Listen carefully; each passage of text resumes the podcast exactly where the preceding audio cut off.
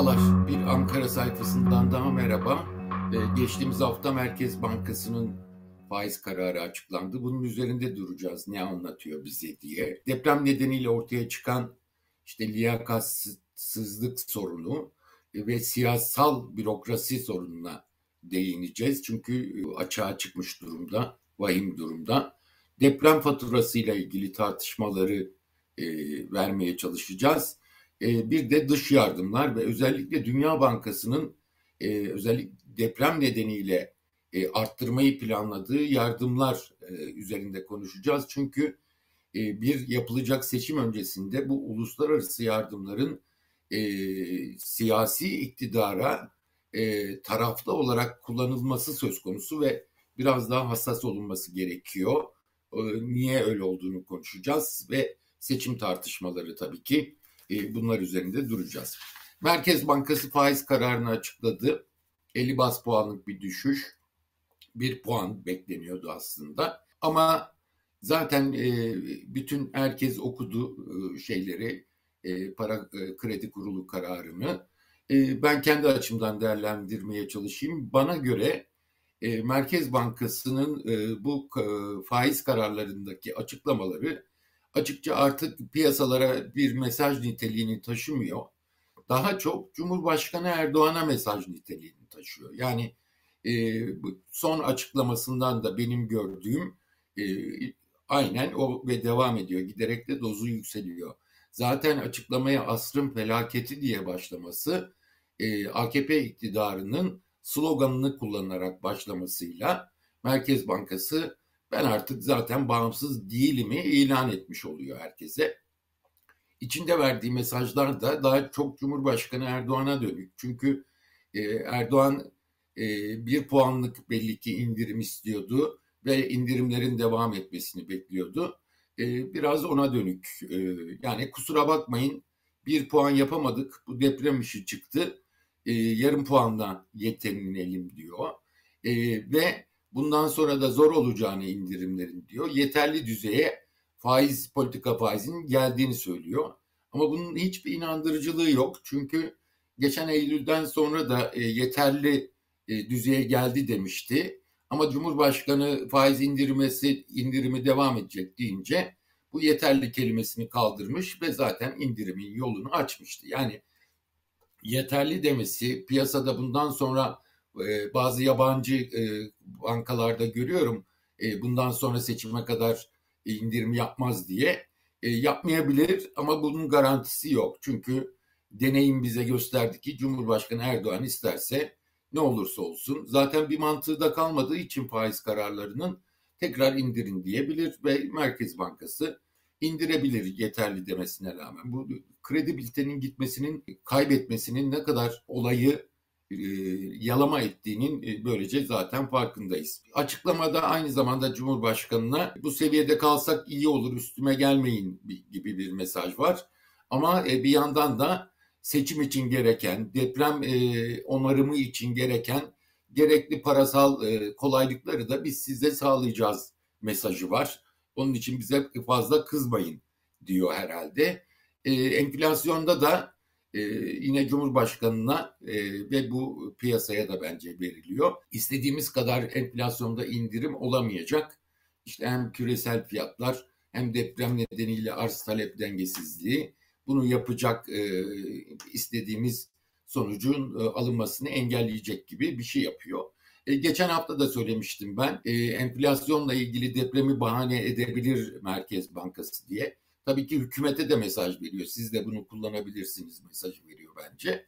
Ama hiç ilgisi yok. Zaten Ocak ayından e, beri Ocak ayında da ortaya çıkmıştı ki işte yüzde otuzlara, kırklara inmesi seçime kadar çok mümkün değil zaten. E, şimdi de deprem bahanesinin arkasına saklanmaya çalışacaklar e, gibi bir şey yapıyor açıkçası. Merkez bankaları ne yapar? E, merkez bankaları böyle durumlarda deprem nedeniyle oluşan felaketin, e, hasarın e, hesaplamaya çalışır. Bunun için parasal şeyler ne olmalı gerekiyor? E, mümkün olduğunca enflasyonu e, azdırmadan e, mali e, alanın nasıl kullanılacağını e, tartışır, bilimsel makaleler yayınlar. Ama bizim Merkez Bankamız böyle açıklamalar yayınlıyor. Bir de e, efendim televizyonlara çıkıp e, 30 milyar liralık hibe verdim diye e, şahsi PR çalışmasına giriyor maalesef. E, ve milletin parasını e, millete verdiğinde kabul ediyor e, böylece. Şimdi canlı yayına bağlanıp e, bunu açıklamasının ardından ortalık karıştı açıkçası. E, çünkü yapılması gereken bunun gider yazılması, bütün diğer anonim şirketler gibi ve e, gider yazılarak e, şeyden kardan düşülmesi mevzuata göre düşülmesi ama e, 2022 karından ödeyeceğim dedi. Yani Nisan'da yapacağı genel kurulda e, hazineye ödeyeceği kar payı yerine bunun bir kısmını AFAD'a aktaracağım diyor. E, bunun hazinenin haberi var mı? Yok. Açıklamalardan öğrendi. E, daha önce de başka bir vesileyle yazdım ben. Bu e, yasal olarak gözükmüyor. Bunu nasıl e, şeyine kitabına uyduracaklar orası bilinmiyor ama hazinenin görüşünün de e, 2023 karından düşülmesi ve 2024 e, kar payından düşülmesi 2024'te verilecek kardan düşülmesi yönünde. E, bu tartışma nasıl olacak? E, zaten genel kurul olmadan bu bağışı da yapamaz. 2022 e, gelirle şeyinden karından verecekse olağanüstü bir genel kurul toplaması lazım. Yoksa da Nisan'a kadar olan genel kurula kadar beklemesi lazım. Bu, bu vesileyle bir şey daha gördük. Hazine ve Maliye arasında hiçbir diyaloğun olmadığını ve ekonomi yönetiminin zaten e, kötü yönetimin bir de e, içinde koordinasyonsuzluğun has safhaya ulaştığını da gördük. E, bu olaylar bize hem AFAD örneği hem Merkez Bankası kamu bankalarının bağışları örneği bize bir şey gösterdi ki bürokrasi tümüyle siyasallaşmış durumda. E, bürokrasi dediğiniz şey liyakatsızlık sorunu üzerinde hep duruyoruz. Bu açıkça gözüktü zaten. Deprem müdahalelerinde gözüktü. E, Merkez Bankası ve kamu bankaların bağışlarında da gözüktü. Yasal olmayan işler yaptılar. Kamu bankaları daha sonra bu bağışların e, sınırı kaldırıldı. Yardım e, bağış yaptıktan sonra. E, işte Merkez Bankası'nın söylediği şey ortada. E, yani bürokrasi kurallara uymayı bile bıraktı. Bu kadar siyasallaşmış durumda. Halbuki bürokrasinin görevi iktidarların değil, sonuç olarak ülkenin orta ve uzun vadeli çıkarlarını korumaktır. E, yıllardır söylediğimiz kurumsallaşmanın ne demek olduğunu, önemini, bağımsız kurumların önemini bir kez daha görmüş olduk. Ama bu ekonomi anlayışı, bu siyasi anlayış ve tek adam rejimi nedeniyle bütün bunların oluşması mümkün değil ve bürokrasi de buna ayak uyduruyor. Böyle kişiler daha doğrusu e, göreve geliyor ve son sıralarda görüyoruz ki bir e, partizanca tutum bürokraside iyice artmış durumda. Belli ki e, zaten bu iktidar giderse bize kimse şey vermez, görev vermez. Sonuna kadar gidelim diyorlar ama bu işin yasal sorumluluğu olduğunu da unutuyorlar açıkçası. E, bence biraz hatırlasalar iyi olacak önümüzdeki dönem için. Bu arada başka bir şey daha var. Bürokrasi hem partizanca davranıyor hem son 2-3 yılda artan biçimde özellikle kamu bankaları ve Merkez Bankası bağlamında da söylüyorum. Üst yöneticiler kendi gelirlerini hiç olmadık biçimde arttırdılar. İkramiye adı altında performans kriteri, e, performans ödemesi e, şeyleriyle, kılıflarıyla kendi kararlarıyla kendilerine çok yüksek maaşlar vermeye başladılar. E, normal maaşların ikiye üçe katlandığını biliyoruz.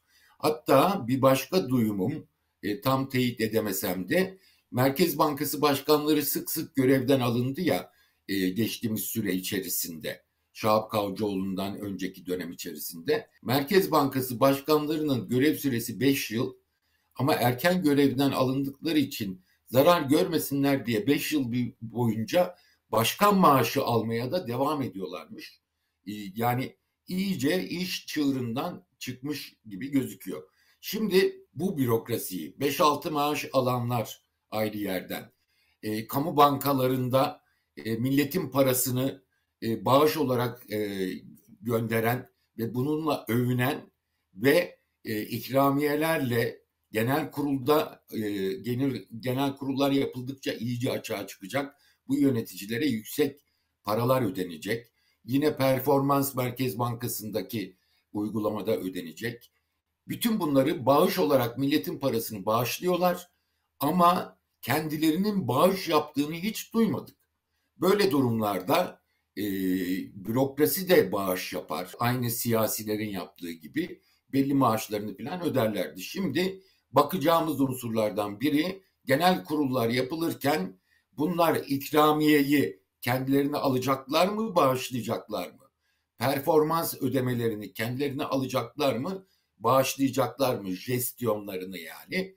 E, bütün bunları e, göreceğiz. Ve ne kadar e, mangalda kül bırakmayan bu bürokratların siyaset, e, siyasi e, iktidara bağımlı iyice hale gelen bürokratların ne yapacaklarını önümüzdeki günlerde çıkıp göreceğiz. TV'lere, e, televizyonlara çıkıp e, bu bağış yapan e, mesela kamu bankaları yüklü maaş artışları yaptılar. Sonra döndüler kamu hazineden yeniden şey istediler.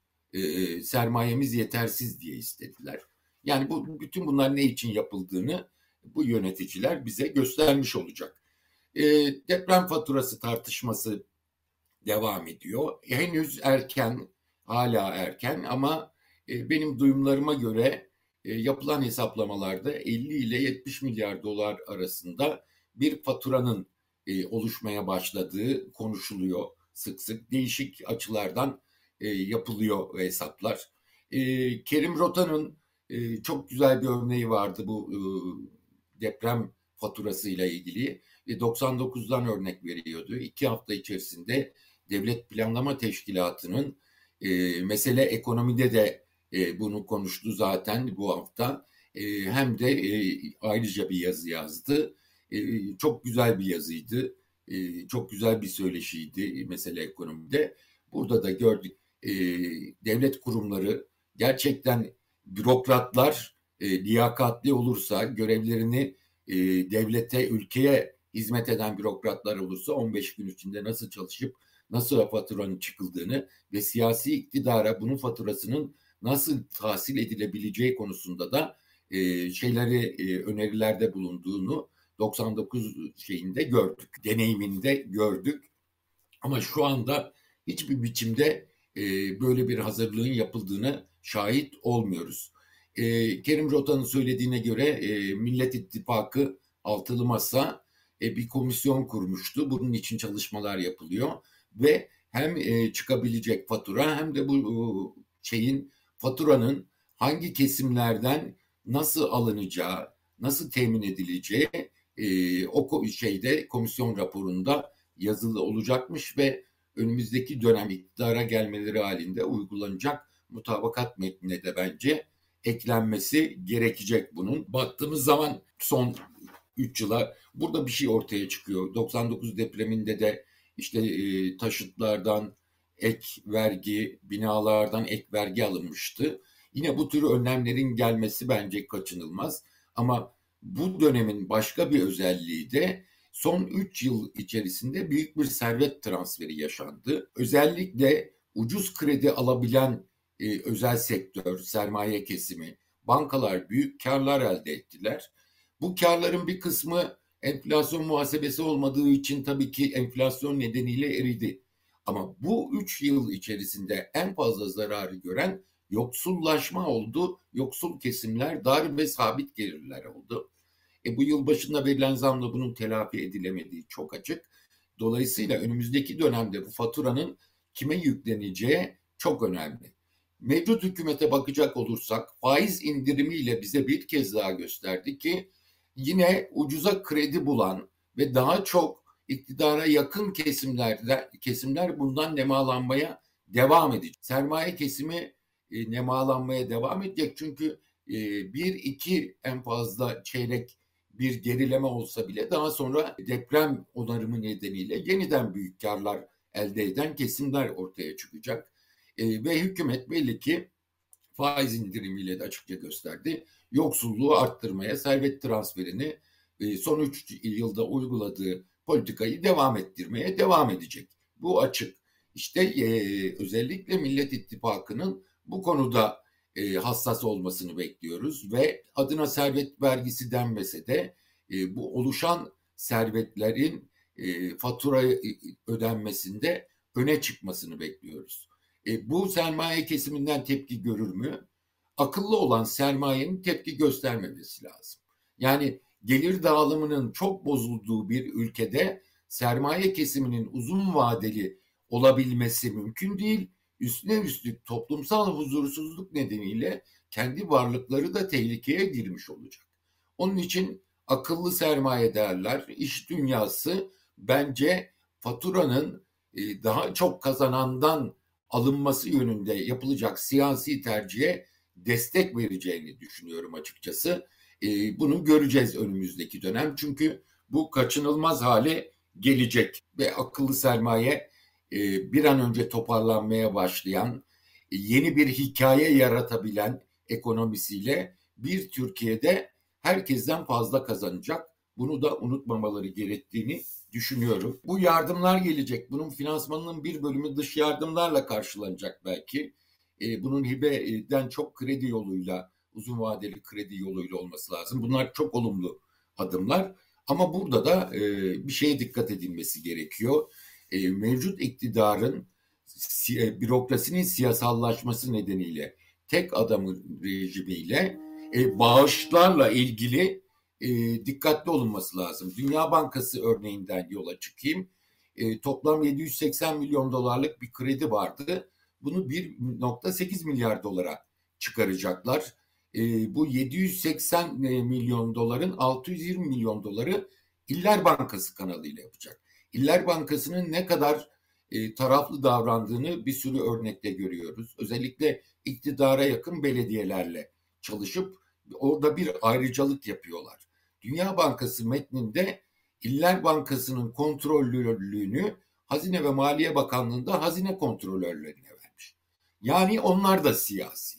O yüzden de e, eşit olması gereken bu Dünya Bankası'nın kendi tüzüğünde de yazan e, bu eşitliği gözetme unsuru burada boşa düşmüş oluyor. Bir şey daha var. 117 milyon dolarlık bir e, ayrı, ayrı kredi var aynı kapsamda. Bunu da bankalar, ticari bankalar alt yükleniciler kanalıyla yapacak. Ama burada da yetkiyi Çevre Şehircilik ve İklim Bakanlığı'na bırakmışlar. Bu da ne demek oluyor? Kamu bankalarına öncelik verilecek demek oluyor. Yani burada da kamu ve özel bankalar arasında ayrımcılık yapılmış oluyor. Niyet halisane olabilir ama Türkiye'nin koşulları Dünya Bankası'nın ve diğer uluslararası kurumların bu yardımların kullanılmasında daha da hassas olmasını gerektiriyor ve bir seçim öncesinde bunların e, verilecek yardımların seçime iktidarın elini kuvvetlendirecek ölçüde kullanılmasına özen gösterilmesi gerekiyor. Sanıyorum bu Dünya Bankası içinde de e, tartışılacaktır. Böyle bir amacın e, oluşması için daha dikkatli davranmaları. Seçim tartışmaları bir sürü senaryo var. Mayıs ya da Haziran'da olması planlanıyor ama bir yandan da YSK kanalıyla bir yıl ötelenme istendiği konuşuluyor.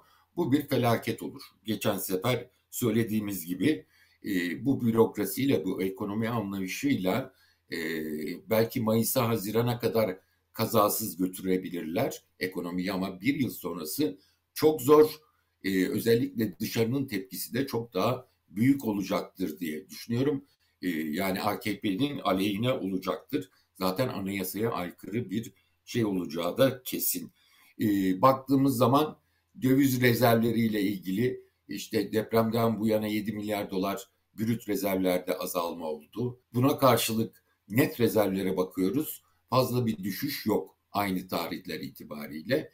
E, burada da özellikle banka swaplarının azalmasının etkili olduğunu yani brüt rezervdeki düşüşün nete e, yansımadığını görüyoruz.